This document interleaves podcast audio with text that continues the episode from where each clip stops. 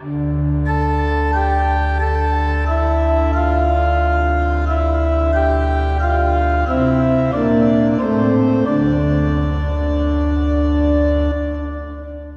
välkommen ska du vara till Predikoverkstan, en podcast från församlingsfakulteten i Göteborg.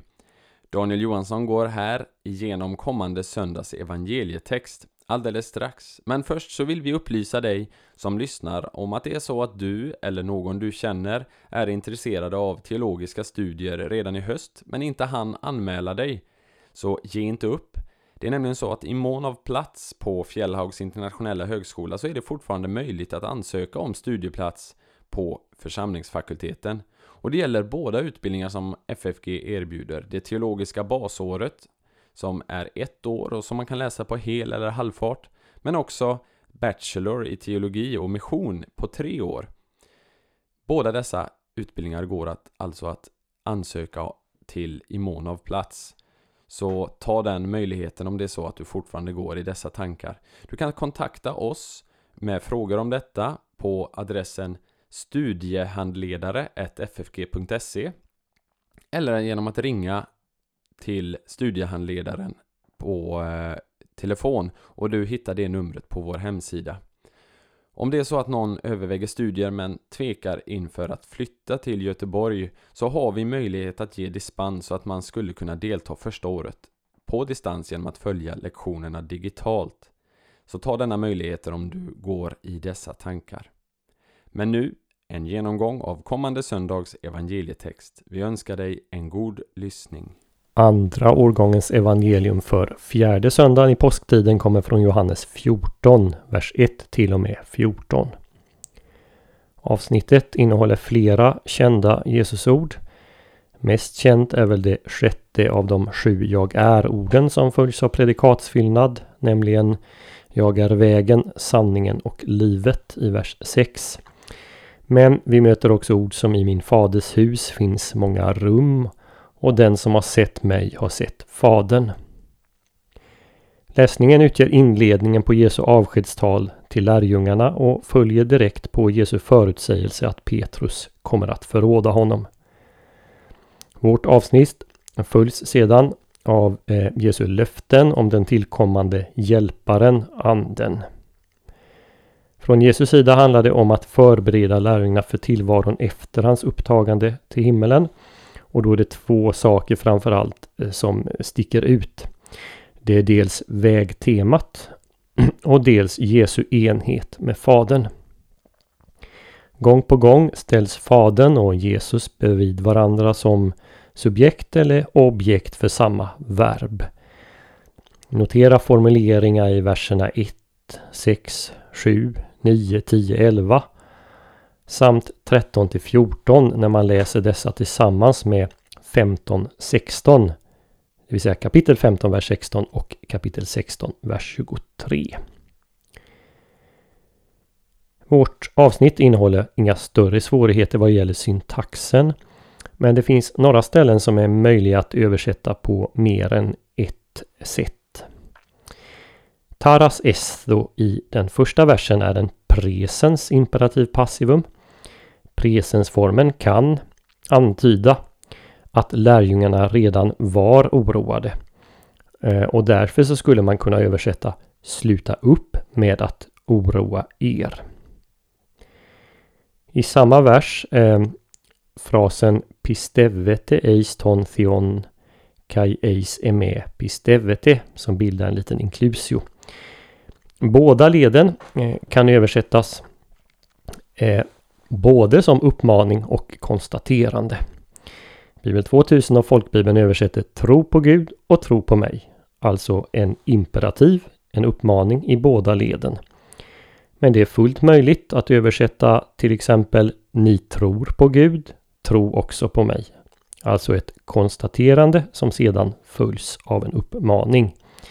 Man skulle också kunna vända på det, tro på Gud, ni tror på mig, men det är väl utifrån kontexten en omöjlig översättning. I vers 2 kan man poängtera texten annorlunda eh, och avsluta med punkt istället för frågetecken. De svenska översättningarna tar det som en fråga. Eh, men tar man det med punkt så får man översätta Om det inte vore så skulle jag ha sagt det det. För jag går bort för att bereda rum för er. I vers 4 skiljer sig eh, Bibel 2000 och Folkbibeln från varandra och detta tog det bero på att man följer olika läsarter. Folkbibeln följer en där verbet oidate kommer två gånger. Det upprepas också efter ten hodon. Utan den upprepningen översätter Bibel 2000 och vägen dit jag går den känner ni. Medan folkbibeln översätter med upprepningen av oidate och vart jag går det vet ni. Den vägen känner ni. Två gånger får vi ett känna eller veta. Till sist eh, ska vi lägga märke till i vers 14 där båda de svenska översättningarna eh, missar att översätta pronomenet med. Vilket understryker att bönen är riktad till Jesus. Följer man den läsart som finns i Nästladan 28 bör man översätta Om ni ber mig om något i mitt namn ska jag göra det. Vi kan dela in texten i fyra delar eh, på följande sätt. Den första delen handlar om hur Jesus bereder rum i Faderns hus. Det är verserna 1 3. Den andra delen att Jesus är vägen till Fadern. 4 till och med 7. Den tredje delen, den som har sett Jesus har sett Fadern. Verserna 8 till och med 11. Och den fjärde och sista, Jesus lovar bönhörelse när man ber till honom i hans namn. Verserna 12 till och med 14. Jesu uppmaning till lärjungarna att inte vara oroade anknyter till ett tema som går igenom hela bibeln får vi säga. Josua och Israel ska till exempel inte vara rädda när de ska inta det utlovade landet. Det kan man utläsa både i femte Mosebok i kapitel 1, vers 21 och 31, 8 och inledningen till Josua bok 1, 9.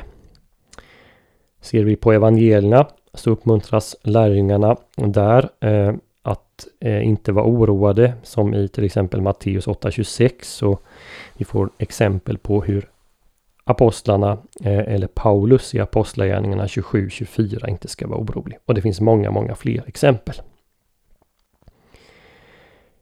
Substantivet monet i vers 2 förekommer bara här och i vers 23 i samma kapitel 14. I 1423 handlar det om att fadern ska komma och ta sin boning, monet, boning, i den troende. Eh, Medan här avser det ett rum som ligger utanför den troende. På Jesu tid var det inte ovanligt att söner när de bildade egen familj byggde till rum eh, intill faderns hus, så att det ansluter direkt till det ursprungliga huset. Och det här huset växte då till ett allt större komplex av byggnader runt en innergård. Ehm, det är också möjligt att när Jesus talar om många rum Eh, så väckte det bilden av de lyxiga romerska villorna med otaliga byggnader, terrasser, träd och växter och strömmande vatten.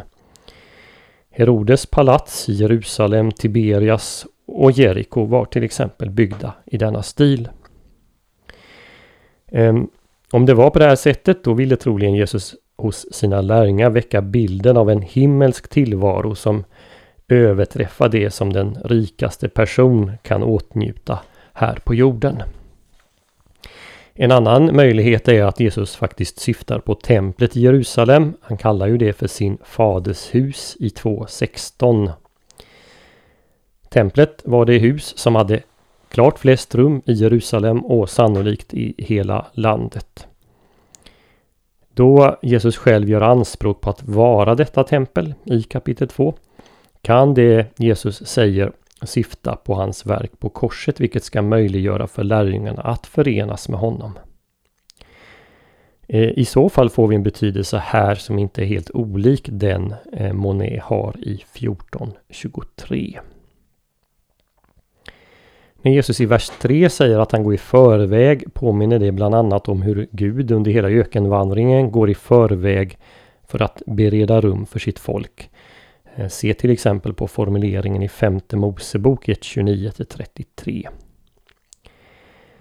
Kanske vi också har en anspelning på ett ställe tidigare i evangeliet där Johannes berättar om de judiska ledarnas fruktan att romarna ska komma och ta denna plats.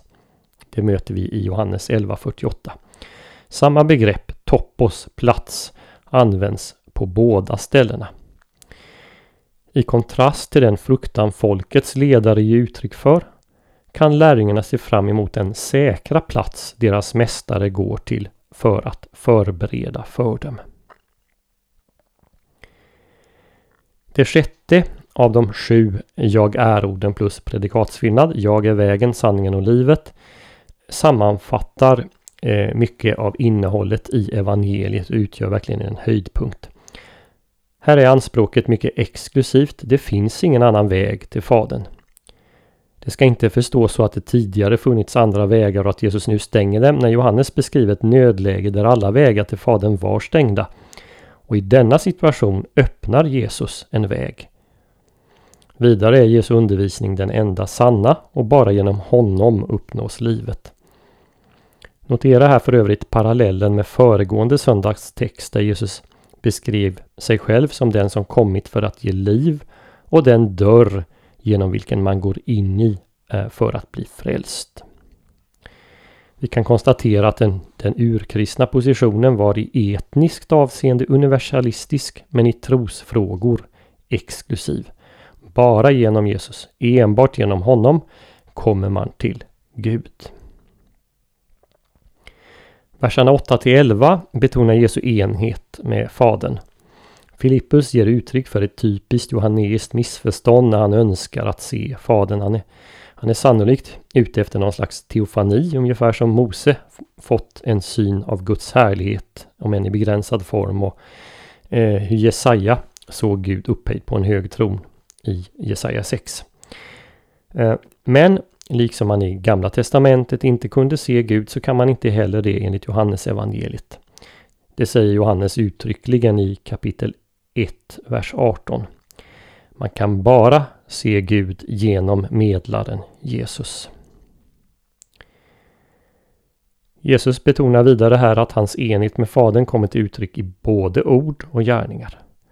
Och det är aspekter som omnämns genomgående i hela evangeliet. Och jag har listat en del av de här ställena i handouten som finns till den här podden på FFGs hemsida. I slutet av vår läsning så förutser Jesus fortsatta samtal med sina lärjungar efter att han har lämnat dem. De kommer att be hans namn och han ska göra det de ber om. Det slår Jesus fast i vers 13. Och i nästa vers, vers 14, upprepar saken ännu starkare. De kommer att be till honom i hans namn och han kommer att göra det. Vad innebär det då att man ber i Jesu namn?